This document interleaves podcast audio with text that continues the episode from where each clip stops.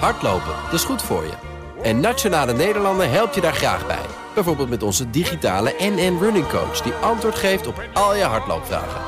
Dus, kom ook in beweging. Onze support heb je. Kijk op nn.nl slash hardlopen.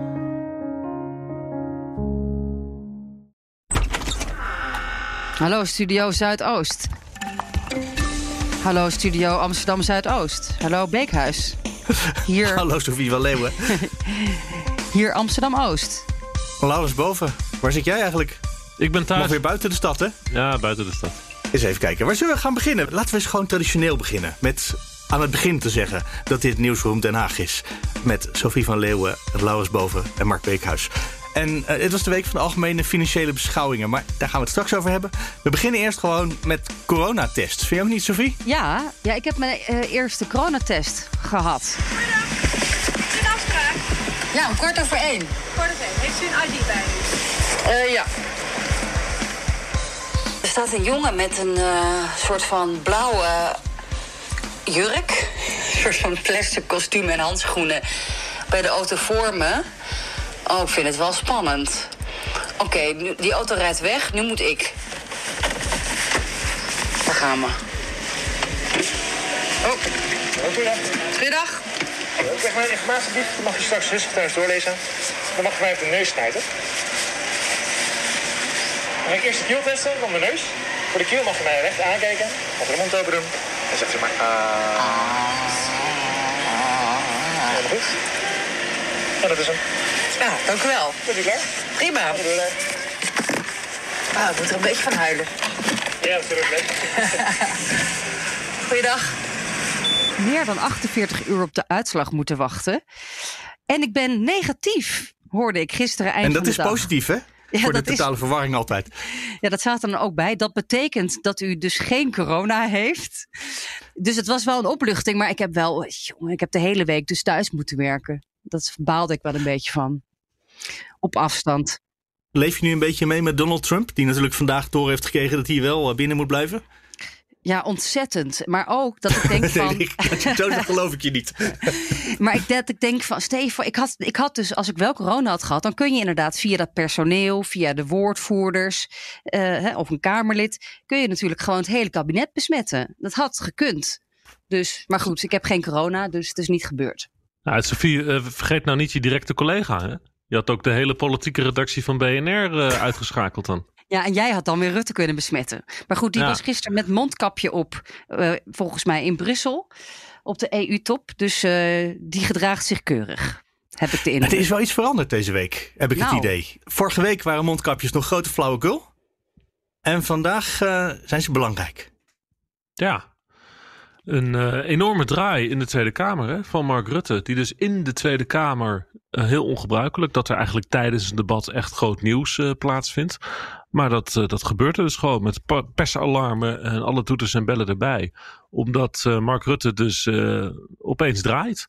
Onder druk van de Tweede Kamer. Hè. Er was in de Tweede Kamer opeens een meerderheid voor een landelijk mondkapjesadvies. Ja, en dan kan de premier natuurlijk niet anders dan gewoon die draaien ook meemaken. Wat ik heel grappig vond, Laurens, is dat hij eigenlijk, net als bij die persconferenties die hij normaal gesproken geeft, om zoiets aan te kondigen, dat hij dus nu ook recht in de camera ging kijken en, en tegen het volk begon te praten. Toen hij Ja. aankondigde dat hij die draai maakte. Nou, wat wel interessant was, Sophie. Ja, wat er gebeurde was dus dat hij dat gewoon in zijn eigen spreektekst eh, op een bepaald moment eh, verwerkt had. Dat er dus een eh, mondkapjesplicht. Nee, zeg ik het zelf fout. Een mondkapjesadvies komt. Daarom zou ik willen voorstellen, eh, voorzitter, gegeven ook die wens van de Kamer, om voor heel Nederland een eenduidig dringend advies over mondmaskers te geven. Dat zal het kabinet uitwerken, eh, dus voor het dragen van die niet-medische mond-neusmaskers in winkels en andere voor publiek toegankelijke ruimten. Ja, en even later zei hij het nog een keer. Een eh, dringend advies om een niet-medisch mond-neusmasker te dragen in al die ruimten. Eh, dat kan, ja, ik hoop dat Nederland nu kijkt, gaat dat nu dus in. We gaan geen aparte persconferentie organiseren. Dit wordt uitgezonden op televisie. Iedereen kijkt natuurlijk. En eh, dus dat geldt. Ja, en het, interessante is dus, ik moest trouwens even terzijde hoor, ik moest heel erg denken aan het moment in 1989 toen de muur viel. Hè? Dat was Gunther Schabowski, de perswoordvoerder van de Oost-Duitse regering op dat moment. Die hield een persconferentie en die ging daar de nieuwe reisregels voorlezen. En toen kwam er een vraag uit het publiek. Per wanneer gelden deze reisregels van een van de journalisten die daarbij was? En toen zei hij van nou, uh, ik geloof uh, per direct. Nou, en dat was dus de nacht dat de muur viel. Want vervolgens ging heel Oost-Berlijn uh, naar de muur. En daar was niemand op voorbereid dat dat ging gebeuren. Ik moest er even aan denken aan dat moment toen Rutte dus hier in de Tweede Kamer zei per direct een mondkapjesadvies. Punt was alleen, het was allemaal nog niet duidelijk genoeg wat hier nou precies was gebeurd. Dus um, uh, de, de pers die volgens Geert Wilders uh, had de pers een volledige verkeerde interpretatie van het advies wat Rutte net had gegeven. Dus die wilde het graag nog even iets duidelijker hebben. De heer Wilders. Ja, voorzitter. En toch even nog over die uh, mondkapjes. Ik zou de minister-president toch willen adviseren om het of hier nog een keer duidelijk te herhalen, of een brief naar de Kamer te sturen, of dadelijk een camera hier buiten te pakken. Want het wordt gewoon door de media niet goed overgenomen. Als u nu kijkt naar wat er op het ANP staat, wat er op de website van de Volkskrant staat, wat er op de website van de Telegraaf staat, daar staat allemaal dat er een verbod komt op, of een advies komt op een, voor, een mondkapjes, uh, uh, voor mondkapjes te dragen in de publieke ruimte. Nergens staat publieke binnenruimte. Ja, maar dat maakt wel wat uit. Mensen moeten wel even een helderheid weten. Waar moeten ze nu? Althans, waar is het advies van u? Want het is geen plicht dat ze het moeten dragen. En leg dat alsjeblieft nog een keer goed uit. Want als het ANP en de grootste websites van de media in Nederland het al nu al verkeerd opschrijven, dan is er iets verkeerd gegaan in de communicatie. En ik zou het verschrikkelijk vinden als mensen dadelijk denken dat ze het anders moeten doen dan ze in de werkelijkheid gevraagd wordt te doen. Nogmaals, een advies. Ja, u kunt wel naar die journalist kijken, maar nee, u heeft ook naar de camera. Ik ben live op tv nu, dus ik ga uw vraag beantwoorden.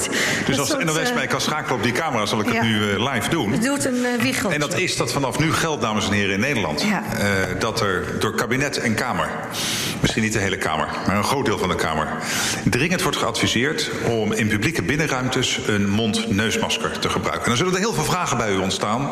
Die gaan we proberen de komende dagen allemaal zo goed mogelijk op een rijtje te zetten. Dat zal niet perfect zijn. Ook daarna zullen er nog vragen blijven. Maar de hoofdregel is: zet binnen een mond-neusmasker op. Dat is dus in café, een restaurant, in de, in de winkel. Als u een overheidsgebouw binnengaat, parkeergarage, stations.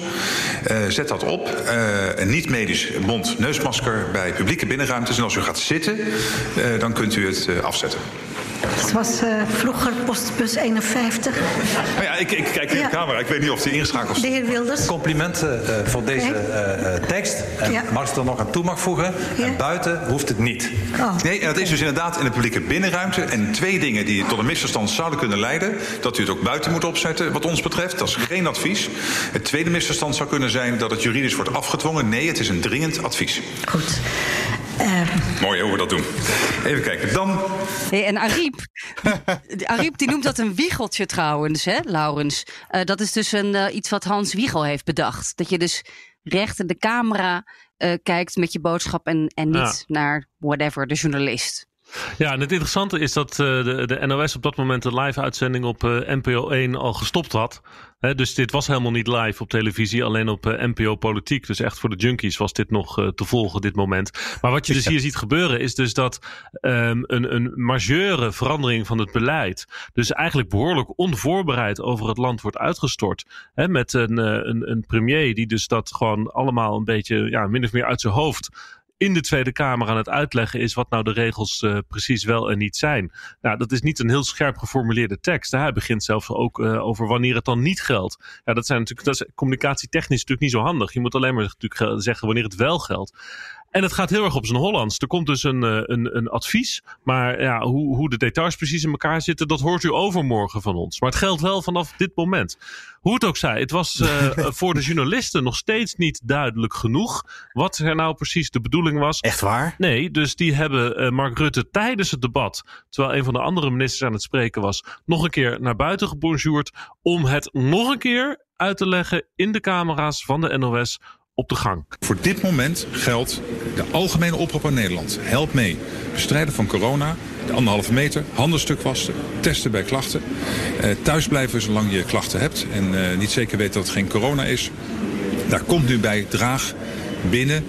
Als je beweegt in de winkel, in de horeca, uh, in de openbare gebouwen, in parkeergarages, draag een mondneusmasker. Ja, u heeft er altijd een bij u, van de van u.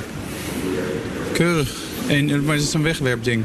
Ik heb een wegwerpkapje, ja. Klopt. Ja, mag je er dan twee keer op? Mag u die dan twee keer op? Nou, uh, dat is een goede vraag. Daar gaan we naar kijken. Volgens mij mag je hem, ik weet niet precies. Ga ik naar uitzoeken. Ook daar komt nader advies over.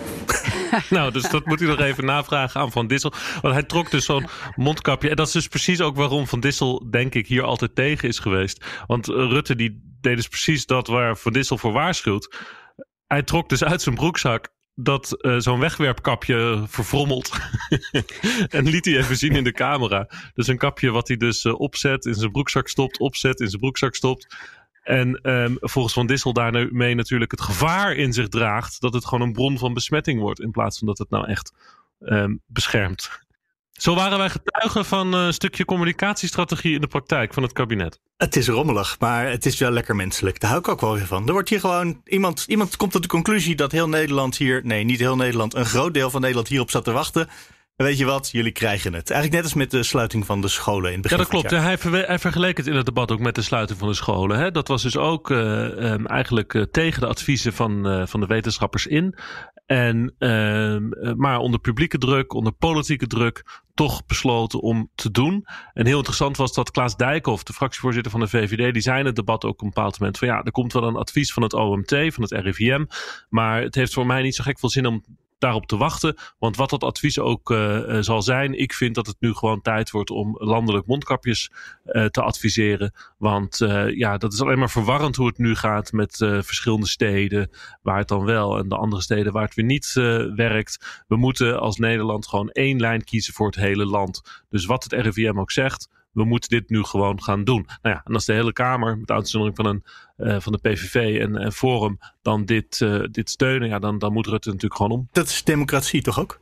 Dat is eigenlijk misschien juist wel precies hoe het bedoeld is, ja. als het land het wil. Ja, ja, en ik denk ook dat hij er op deze manier ook weer prachtig mooi mee weg zal komen. Toch? Op zijn Rutte's. Nou ja, wat natuurlijk wel weer aardig is, is hoe die dan is. Uh, als hij dan zo draai maakt dan ook meteen vol enthousiast ervoor gaat. Hè? Dat zei hij op een bepaald moment ook tegen op een vraag van Asscher. Het enige wat ik wel zou willen vragen, ik hoorde de premier zeggen... God ja, als de samenleving dat wil, dan doen we dat. Ja, we hebben net een half jaar gehoord van het kabinet... het werkt niet en daarom doen we het niet. Als we dit een serieus gedragsregel willen maken... waar mensen zich aan houden, dan moet er ook een ander verhaal bij.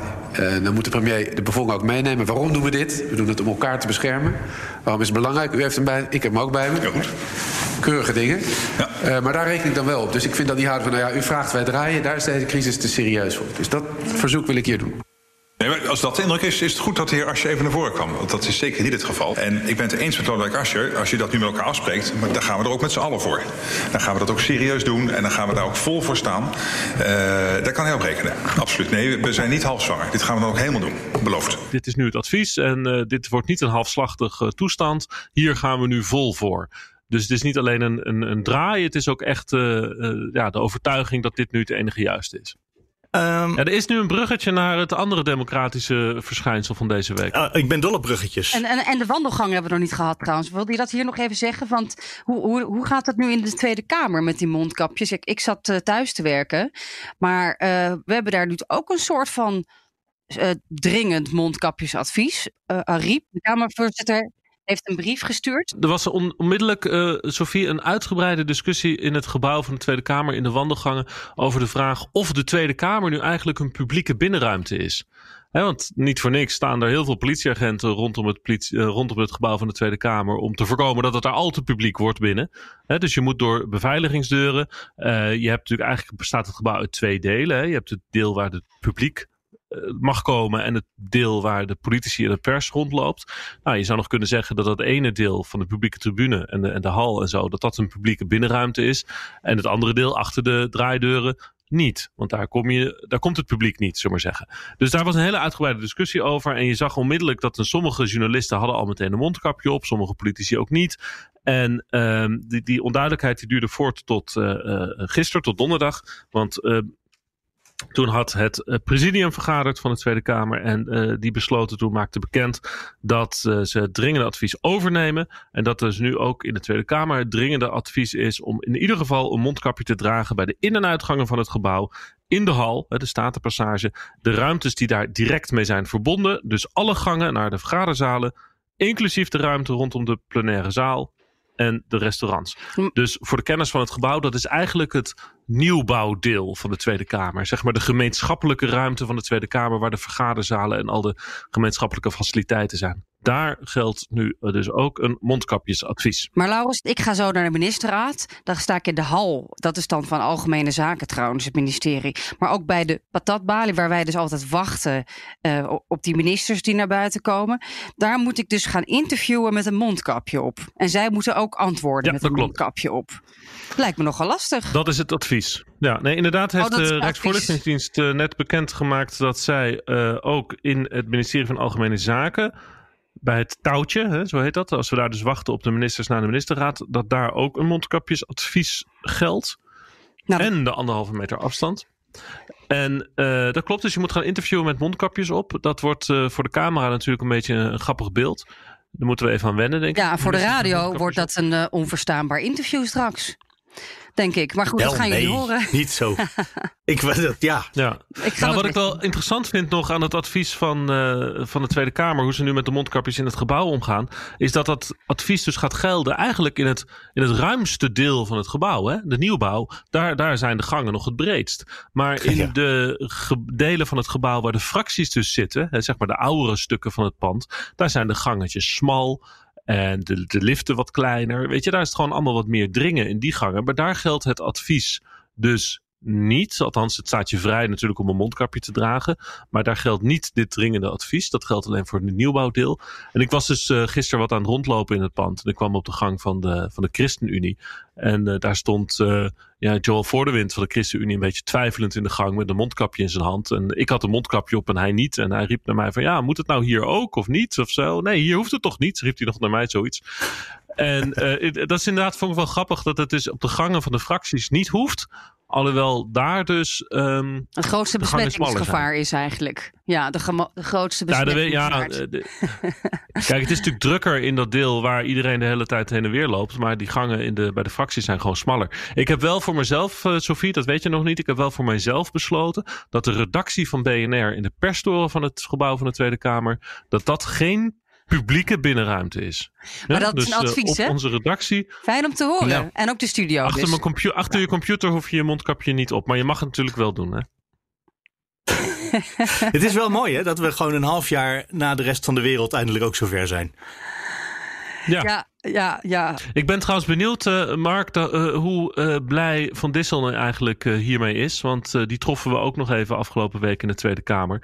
En je moet weten dat eh, van de week was eh, de Amerikaanse, eh, zijn Amerikaanse collega, hè, Fauci, die was eh, bij Nieuwsuur geweest. En die had die oproep gedaan van eh, draag alsjeblieft mondmasker en zo. Doe dat nu. En, Ja, kijk naar de data.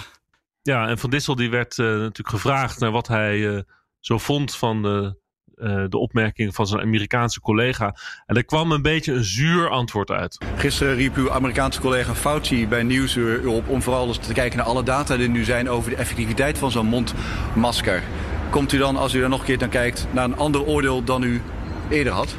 Nou, het is altijd goed om nascholing te ontvangen. Hè, dus ook van een gerespecteerde collega uit Amerika. Stel ik zeer op prijs. Dr. Fauci en u eh, kennen elkaar, tenminste dat zei Dr. Fauci. Ik neem aan dat dat, dat, dat dan Ja, ik heb ook een herinnering aan hem. Ja. Ja. Ik hoorde hem dat eh, zeggen. Hè. Ik dacht van nou, volgens mij is hier de boodschap, eh beste meneer Fauci, dit is mijn terrein. Ja, mijn maar- territorium. Beste meneer Van Dissel, eh, eh, het kabinet luistert toch niet meer naar zijn advies. Dus ja, wat dat betreft, het is mooi als hij met een advies komt. Maar we gaan gewoon mondkapjes dragen. Ja, nee, ze zullen toch nog wel luisteren naar hem. Alleen dit ene detail, of deze ene maatregel, daar luisteren ze nu even niet meer naar. Ja, noem het maar een detail, Ja. Mark. Kijk, een van de dingen, Ja. denk ik, die we zullen leren na deze pandemie. En die, ehm, denk ik, waar misschien eh, de crisiscommunicatie en ook het RIVM te weinig rekening mee hebben gehouden in, in de, de plannenmakerij voor dit soort situaties, is dat informatie natuurlijk wereldwijd is tegenwoordig. En ehm, het lijkt mij wel eens, komt mij wel eens voor alsof eh, er eigenlijk te weinig rekening mee gehouden is met dat wij hier in Nederland natuurlijk ook al die adviezen van buitenlandse experts horen en betrekken op onze situatie en dingen gaan zitten vergelijken. En dat heeft er natuurlijk toe geleid dat er gewoon onzekerheid is ontstaan over de adviezen van de Nederlandse experts. Omdat de Duitsers, de Fransen, de Italianen, de Amerikanen in dezelfde situatie andere dingen doen. En ik denk wel dat dat voor de volgende pandemie iets is waar het RIVM en ook het kabinet over moeten gaan nadenken. Van hoe gaan we nou, uh, ja, wetende dat, dat we alles horen van wat er over de hele wereld gebeurt. Hoe gaan we dat nou beter een plek geven in uh, onze eigen communicatie? Want je kan niet te veel afwijken van wat het buitenland doet. Ook al vind je zelf dat het buitenland de verkeerde kant op gaat omdat er toch twijfel ontstaat uiteindelijk over wat wij doen in vergelijking met andere landen. Ja, uh, Laurens, jij wilde een bruggetje slaan een tijdje geleden. Ik ben vergeten waarheen ook weer. Mark, je zei net dat er een uh, in feite democratie in, in de praktijk, hè, dat we dat hebben meegemaakt nu met die draai van, het, van Mark Rutte rondom de mondkapjes onder druk van Ja, zonder referendum en toch een beetje. Ja, en uh, dat heb je nog op een ander punt uh, uh, zien gebeuren de afgelopen dagen. We hebben het er vorige week al over gehad. Hè? Toen heb ik bericht dat er in de Tweede Kamer een deal in de maak was tussen oppositie en coalitiepartijen over de coronawet. Die volgende week wordt behandeld in de Tweede Kamer. En ze zijn eruit gekomen. Hè, dat was gisteravond opeens de doorbraak. Vandaag zullen de, de, de wijzigingsvoorstellen formeel gepubliceerd worden. En uh, de Tweede Kamer die heeft dus nu besloten dat de Tweede Kamer het laatste woord heeft over alle vrijheidsbeperkende coronamaatregelen die het kabinet uh, in de toekomst wil gaan nemen. He, zeg maar die regelingen die in plaats moeten komen van de noodverordeningen. En dat is wel een hele grote doorbraak. Een hele grote gebeurtenis ook. Dat dus de, uh, ja, daar eigenlijk tegen het kabinet in wordt gegaan. Maar de Kamer kan dus nu uh, bezwaar maken. Dus als er een persconferentie is met die maatregel, dan kan de Kamer zeggen: gaan we niet doen. Klopt dat? Dat kan. Ja, wat er nu gaat gebeuren is dat die noodverordeningen worden vervangen door ministeriële regelingen. Dat, dat zijn eigenlijk decreten. He, dat, uh, dus dus de, neem bijvoorbeeld uh, de scholen moeten weer sluiten. Zo'n soort besluit, als dat genomen moet worden in de toekomst. Dan zal Hugo de Jonge daar een, een ministeriële regeling voor opstellen op basis van de, de komende COVID-wet. En um, de gedachte van het kabinet was van nou, wij nemen dat besluit en we informeren de, de Tweede Kamer daarover. En de Tweede Kamer heeft daar niet nog een eindoordeelsbevoegdheid bij. Die kunnen nog wel zeggen dat ze het niet mee eens zijn, maar wij nemen dat besluit. Nou, hoe de Tweede Kamer dat nu heeft herschreven in deze wet, is dat zij zeggen nee, zo'n ministeriële regeling moeten wij, dat moet de Tweede Kamer bekrachtigen. En dat is een, een echt een, een, ja, een cruciale verandering natuurlijk. Dat moet allemaal wel snel. Ze, ze zoeken dus een formulering waarmee er nog steeds snel kan worden gehandeld. Maar het democratisch tekort van de ministeriële regeling die Hugo de Jong in zijn eentje bedenkt, wordt nu opgeheven doordat de Tweede Kamer heeft besloten: wij hebben het eindoordeel. Eigenlijk gebeurt dit op een heleboel plekken, denk ik. Hè? Dat de Kamer wat uh, assertiever aan het worden is. Er wordt al tijden gestreden om uh, toegang tot documenten van ambtenaren. Waar de regering eigenlijk nog niet in toe, toe wil geven. Van de week was er ook het, het uh, Algemene Financiële Beschouwingen. Waarbij er gevochten wordt als leeuwen om het budgetrecht van de Kamer in stand te houden voor, wat was het, 2 miljard aan investeringsgeld. Waarvan de ministers zeggen, nou dat willen wij wel regelen. En de Kamer zegt, wij gaan er graag over. Ja. Dus is, is de Kamer assertiever aan het worden de laatste weken? En wat je ziet bij, dat, dat was het debat over de, de algemene financiële beschouwingen. Dus de, de financiële plannen van minister Hoekstra. En dan komt het kabinet met grote voorstellen, miljarden uitgaven. Zoals het investeringsfonds en de BIC voor het bedrijfsleven. En kijk, dan zie je dat het kabinet ook geen meerderheid heeft hè, in de Eerste Kamer en de oppositie mee moet nemen in die plannen. En dan zie je natuurlijk een, een steeds politieker wordende, wordende Tweede Kamer met een oppositie die zich wil manifesteren, die dingen wil binnenslepen. We hebben volgend jaar verkiezingen. En, uh, en zegt, uh, lieve minister Hoekstra, hier gaan wij niet mee akkoord. Dan heb je het inderdaad over onder andere dat budgetrecht. Hoe kan u nou mijn handtekening verwachten voor een pakket van miljarden, terwijl ik niet eens weet uh, wat de voorwaarden zijn? Of u heeft de wet nog niet eens af. Dus daar is heel veel gedoe over. Uh, en ja, assertief, maar ook wel een beetje logisch, denk ik. Zo was er ook een, een leuk 1 2 tussen Bart Snels van GroenLinks eh, die natuurlijk de meerderheid kan leveren in de Eerste Kamer. En minister Hoekstra, die zegt: Nou, minister, ik vertrouw u misschien nog wel. Maar ja, eh, eh, ik geef u iets uit de handen. En hoe zit het dan met de ministers na u? 4 miljard die op de niet-departementale begroting gaan, die mag worden uitgegeven door het kabinet. En ik vertrouw deze minister wel. Maar de volgende niet. De volgende niet, nee. Nou ja, ik, ik, heb- in, in, in een niet al te ver eh, verleden hadden we minister Heinsbroek. eh, en die, je weet niet wat de VVD doet. Misschien wordt Edgar, Edgar Mulder wel minister van, van, eh, van Financiën. En dan staat de, dan staat de Kamer eh, eh, erbij, kijkt ernaar en heeft geen middelen meer om in te grijpen. Ik neem het open voor de Kamer. Voorzitter, voorzitter, voorzitter, volgens mij maakt de heer, de, de, de, de heer Snels maakt zichzelf en uw Kamer echt hier heel veel kleiner dan nodig is. Maar ik, het was een groot compliment aan mijn, mijn eh, adres dat hij de vertrouwensregel die er impliciet is, dat hij die nog eens een keer zo expliciteert. Ook wel opmerkelijk ehm, tijdens die algemene financiële beschouwingen eh, was het toch een beetje de metamorfose van eh, minister Hoekstra die ik daar zag. Ik zat wel met interesse naar hem te luisteren. Eh, dit is de minister van, van de Frugal Four, eh, de leider van de Hanse-groep, hè, van de Noord-Europese landen, de krenterige landen, de boeman van Zuid-Europa, ook als het ging om die coronabonds. En ehm, ja, nu hoorde ik hem. Ik, ik zag opeens een heel andere minister dan. Nou, bijvoorbeeld anderhalf jaar geleden, toen ik eh, Hoekstra tegenkwam in Berlijn. Tijdens de Humboldt-lezing was dat. Dat is een prestigieuze eh, lezing over de toekomst van Europa in Berlijn. En, eh, en toen zei hij dit. Und deshalb bin ich dafür, dass Länder, die keine Reformen durchführen, die EU-Mittel nicht sarggerecht ausgeben und die den Stabilitäts- und Wachstumspakt nicht einhalten, künftig keinen Anspruch mehr auf europäische Gelder haben. Of goed Nederlandisch. Maar hij zegt daar eigenlijk. hij was toen nog aanstormend leider van het CDA. Hè? En eh, misschien wel de nieuwe premier van Nederland of zo. Zo stond hij daar. Maar hij zei: Als jullie die begrotingsregels overtreden, eh, Europese lidstaten. dan krijg je gewoon geen Europees geld meer. Heel streng eh, te zijn eigenlijk in die lezing. Maar nu in het debat gisteren. ehm, ja, zei hij eigenlijk ik ga fundamenteel kijken naar de Europese begrotingsregels. Ik denk dat het heel verstandig is in deze economische situatie in Europa, ook voor de geloofwaardigheid van de euro, om niet te gaan hameren op elk land moet winnen 60%. We moeten zo snel mogelijk winnen naar die 3%, omdat het uiteindelijk ook het geloof en het vertrouwen in de euro ondermijnt. Dus begrijp ik de minister van Financiën goed, dat hij echt bereid is daar fundamenteel naar te kijken, ook gegeven de, het belang van economische groei, gegeven de lage rente en dus ook de beperkte druk op overheidsfinanciën, ook in andere landen. Eh, ja, voorzitter, kijk, ja, ik wil er fundamenteel naar kijken. Ik vind dat je moet kijken wat, eh, wat nou de huidige economische situatie vertelt. Dat je moet meenemen eh, de compliance zoals die er is geweest. Dat je moet meenemen de stand van het gewas in, in, in de eh, verschillende economieën. en, en hoe je ook in de toekomst weer tot zaken kan komen. Ehm, ja, is daarmee uitgesloten dat je exact op dezelfde weg doorgaat? Nee, dat is niet uitgesloten. Ehm, eh, maar het- ik, ik zie natuurlijk ook, ik ben ook gewoon realist. En ik kijk gewoon naar de discussie die op ons afkomt. Hoe ga je om met de Europese begrotingsregels?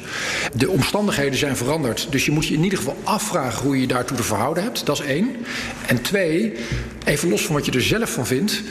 Ben je ook naïef als je denkt dat dat speelveld niet aan het veranderen is? Dus de oppositie die is Hoekstra aan het uitdagen. Hè, van ja, onze staatsschuld gaat over die 60% heen. Europa laat het los. Kunnen we niet gewoon met z'n allen structureel veel meer geld gaan uitgeven?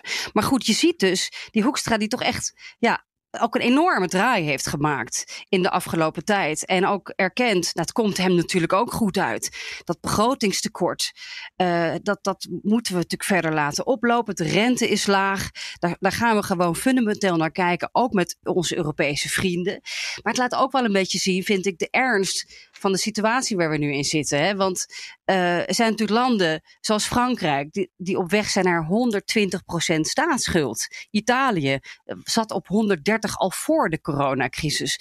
Dus waar gaan we met z'n allen? eh, naartoe als zelfs Wopke Hoekstra zegt... we moeten toch eens goed gaan nadenken over hoe we kijken tegen die begrotingsregels in Europa. Hij weet dat het gewoon niet meer haalbaar is. Maar Sophie, is het dan een echt een fundamenteel andere kijk op eh, het groei- en stabiliteitspact? Hè? Ook, ook zeg maar rekening houdend met hoe het in Zuid-Europa gaat? Of is dit gewoon puur eigenbelang. Hè, dat, dat nu wij, Noord-Europa, zich ook niet meer aan de regels kan houden. Dan is het moment daar om de regels te veranderen. Nou, het is niet puur eigenbelang. Kijk, natuurlijk komt het hem nu ook wel even goed uit. Uh, maar bovendien, hij wil ook misschien wel dit over 10 of 20 jaar gaan uitsmeren, dat terugbetalen. Dus ja, natuurlijk deels is het wel eigenbelang. Maar het is ook wel uh, eigenlijk wat hij zegt, dat hij die ernst van al die staatsschulden, die dus als je Italië naar 150% gaat. Het realisme van hoe krijg je dat terug naar 60%? Dat is waar we het nu over hadden. Dat is de regel die we in Brussel hadden. Hoe kom je van 150% terug naar 60% staatsschuld? Hij gelooft er eigenlijk zelf mm -hmm. ook niet echt meer in dat dat gaat lukken. En daar moet je dus fundamenteel over nadenken. Hoe kijk je aan tegen. En hoe gaat hij dat doen, dat fundamenteel nadenken? Want we hebben het in Nederland natuurlijk ook aan de hand. Dat we um, uh, zo enorm nu met geleend geld werken. Dat is natuurlijk ook decennia lang in Nederland not done geweest. Ja, en dat is natuurlijk ook een hele uh, een nieuwe realiteit. Hè, die je natuurlijk in eerdere kabinetten of in de jaren tachtig, toen we ook in de problemen zaten, uh, niet hadden. Toen had je gewoon rentes van 8%. Nu krijgen we geld toe als we geld lenen. Dus um, ja, dat is. Hij, hij, gaat er een brief over schrijven, Laurens. Ja, uh, die komt als het goed is in december. En dan ben ik wel heel benieuwd wat, uh, ja, wat zijn nieuwe fundamentele kijk tegen de Nederlandse en de Europese staatsschuld zal zijn. Maar dat we terug uh, gaan naar die 60% maximaal hè, van je bruto nationaal product.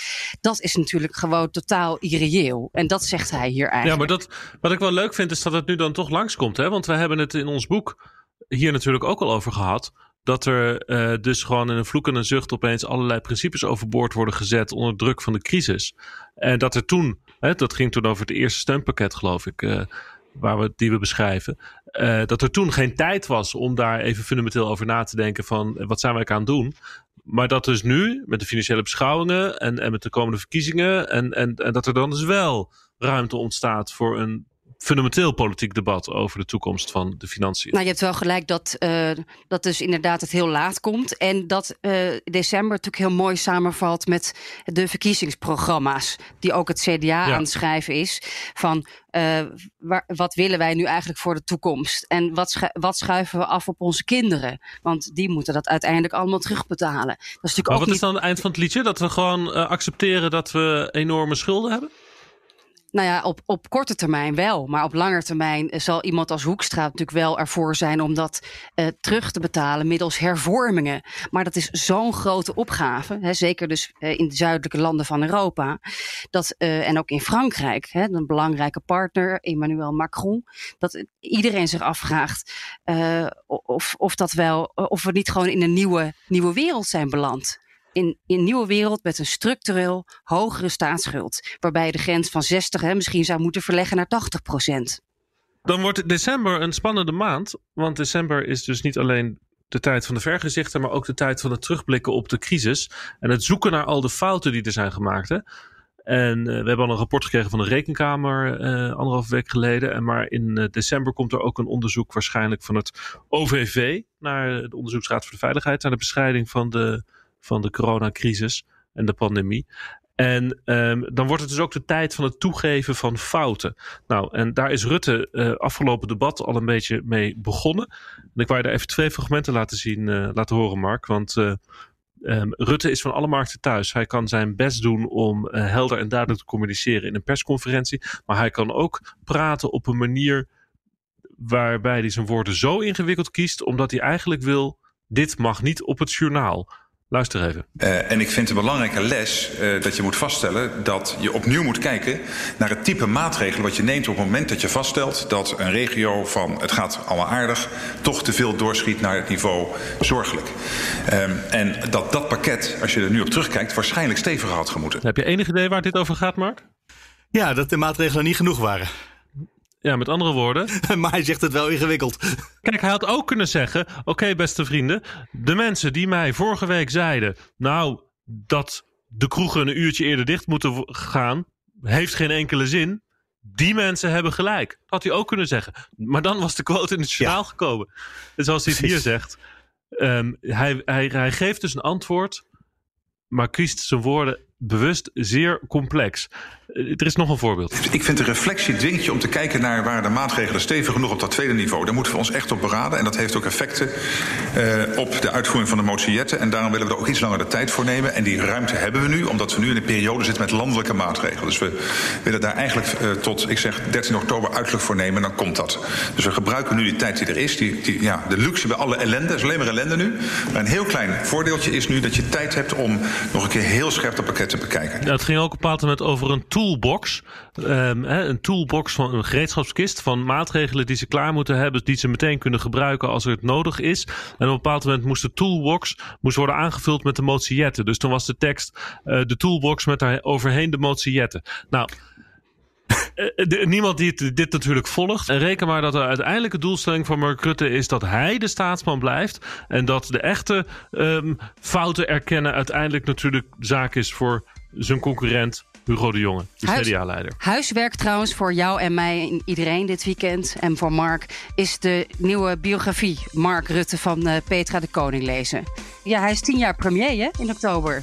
Bijna jarig. Heb je hem al, Laurens? Ik heb de pdf. Ik moet hem nog kopen. Maar Petra is uh, vanavond uh, bij ons in de Friday Move te gast. Dus ik moet mij vanmiddag even inlezen. Oh, je gaat hem even okay. lezen nou. de komende uren. Ja. Om dan echt met Mark Rutte te eindigen, zoals hij altijd zegt, na de persconferentie. Goed weekend. Precies, goed weekend. Goed weekend. Maandag is er weer een nieuwe aflevering van Nieuwsroom Den Haag. En dan uh, volgende week vrijdag. Nee, ik moet het andersom zeggen. Maandag is er weer een nieuwe aflevering van Nieuwsroom. En vrijdag weer eentje van Nieuwsroom Den Haag. Tot dan.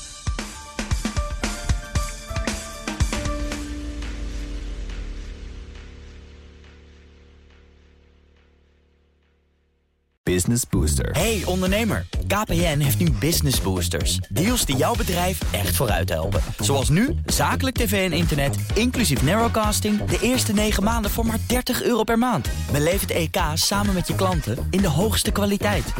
Kijk op kpn.com businessbooster. Business Booster.